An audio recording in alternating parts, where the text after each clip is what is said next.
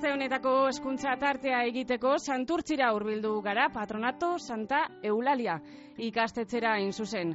Carlos Torreia zuzendariak azaldu deusku zelan hasidan ikasturtea eta zelako barrikuntzak egin dabesan aurreko urtetikona.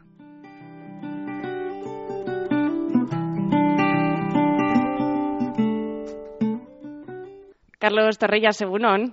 Egunon, zeran. Bueno, konta iguzu, eh, kasturte honetako barrikuntzak. Bai, pues, bueno, pues, eh, aurten, ba, hasi gara ba, postasun betetaz, eh, bueno, gure instalazioak aldatu egin ditugulako. Ja joan den eh, ikasturtean zehar eta uda honetan zehar, pues, ikastetxeak eraldaketa bat jas, eh, jasan du. Bere gela, pues, pedagogia arkitektoniko berri bat ere egokituz, espazio argiago eta zabalago batez hornituz, Haurezkuntzako lehen zikloko eta hiru urteko gelak lekuz aldatu ditugu, baita jantokia ere. Era berean, eraikin nagusiaren egitura aldatu dugu. Bigarren hezkuntzako ziklo hartuko duten gelak egokituz, liburutegi handiago, laborate- laborategia, laguntza gelak handitu ditugu, administrazio ere ere birmoldatu egin da, eta beste kokapen bat izan du espazio zabalagoak eta erosoak, eh, erosoak, erosoagoak dituena. E, modu honetan, ilusioz betetako ikasturte berri bat hasi dugu.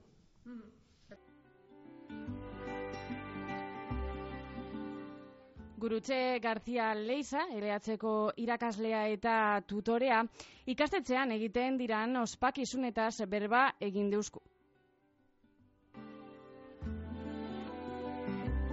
Egunon, pues e, oraingo honetan e, ikastetxean egiten ditugune ospakizun desberdinetan e, sartuko gara. Beti ospakizunak hartzen dugu e, jai moduan edo jai egunak izango balira bezala, baina ez gara konturatzen jai egun hauetatik ere e, gure filosofia, jolasten e, ikasten filosofia horretik e, jarraituta, pues, ikasketa bat dagoela. Gure ospakizunak beti e, arloekin e, edo ikasgaiekin e, lotuta daude. Adibidez, e, iraiaren e, hogeita zazpian, San Vicente Paul eguna e, ospatu genuen, eta badakigu ospakizun erlijioso bat dela, baina gaur egun erlijioa e, beste era batean irakasten dugu eta saiatzen garena da e, umei baloreak, errespetua, euren arteko elkarrez bizitza, pues isladatzea. Eta egun berezi honetan ere, pues, e, San Vicente Paul e, oroitzen, e, ba, ere ospatu ditugu e, horrelako e, baloreak. Ez da, orduan, bereiantzako jaieguna da, baina hor daude e, ikasgai, bueno, eduki batzuk e, isladatuta. Horretaz aparte, eduki dugu orentxe bertan, e, ostiralean, gaubeltza e, eguna, eta honetan ere, euskerako e, e, e, arloarekin e, erlazionatu dugu. Ega, azkenean, e, gau beltza guretzako a, Halloween baino asko ere hurbilagoa daukagunez, baina horrek ez du esan nahi Halloweena ez dugula ospatu. E, egiten duguna da, pues, lehen esan dugun moduan, gau beltza euskerako arloan eta Halloweena ingeleseko arloan.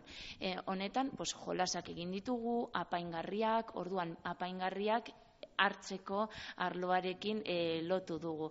Orduan azken finean nahi duguna e, isladatu da naiz eta jaieguna esan beti ikasketak atzetik doalaz eta beraie konturatu gabe gure filosofia hor, eta oinarria hori dela eta konturatu gabe ikasten ari direla. Ospakizun pilo ditugu urtean zehar, adibidez e, domuneko guna ere e, ospatzuen dugu, e, gabonak, euskararen eguna, e, e, inauteriak, santagida, eta gero baditugu Oiek e, aipagarrienak direnak, baina gero badaukagu adibidez txoko berdearen inaugurazioa, que batzuk esango duzu zer da hau, ezta? Baina agenda hogei hogei tamarrekin e, lotura dauka, eta egun honetan egiten duguna da, pues, umei kontzientatu gure inguru gubenaren jabeak gu garela. Eta orduan, e, pues, e, amaiketako osasungarriekin, eurek ekartzen dituzte, eta hoiekin e, manipulatuz eta kontzientziatu saiatzen gara pues, e, baita ere e, dieta orekatuak edukitzea eta horrela baita ere pues, ez, ez izatea bakarrik ingure baizik eta gure osasuna ere errespetatu behar dugula. Orduan, pues, jaiegunak ez direla bakarrik e, saku jai hori da, eta saku huts batean e, batzuk beti esaten dutelako, ai, jaia, bai, baina atzetik badago baita ere euren partaidetza. Bakarrik ez e, umena, baizik eta familiena baita ere, porque adibidez gabonetan, hanpakoek ere parte hartzen dute, eta batzutan e, giroketan eta e, estenatokia guk espektakulo egiten ditugune leku horretan, pues eurek atontzen dute eta paingarriekin ere eurek ere laguntzen gaitu Orduan, hor ere baita ere, pues, elkar bizitzako eta le, elkar lana ere, pues, e, aut, e, bueno, autematen da eta ikusten da. Orduan, deno komunitate oso estua gara, eta orduan edo zen gauzetatik ikasi aldogo. Eleatzeko ikasleek ETS-eren kanta, eskaini deuskue, zurekin batera. Entzun, edertu indabe.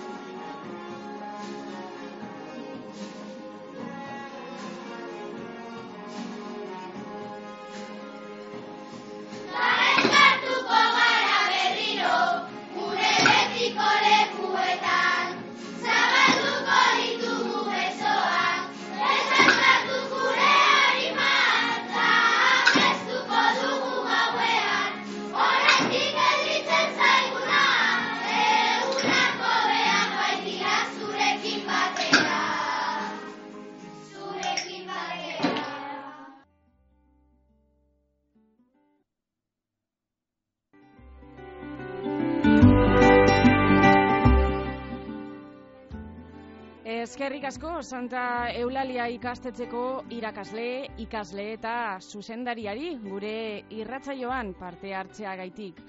Ondo joan dadia ikasturtea.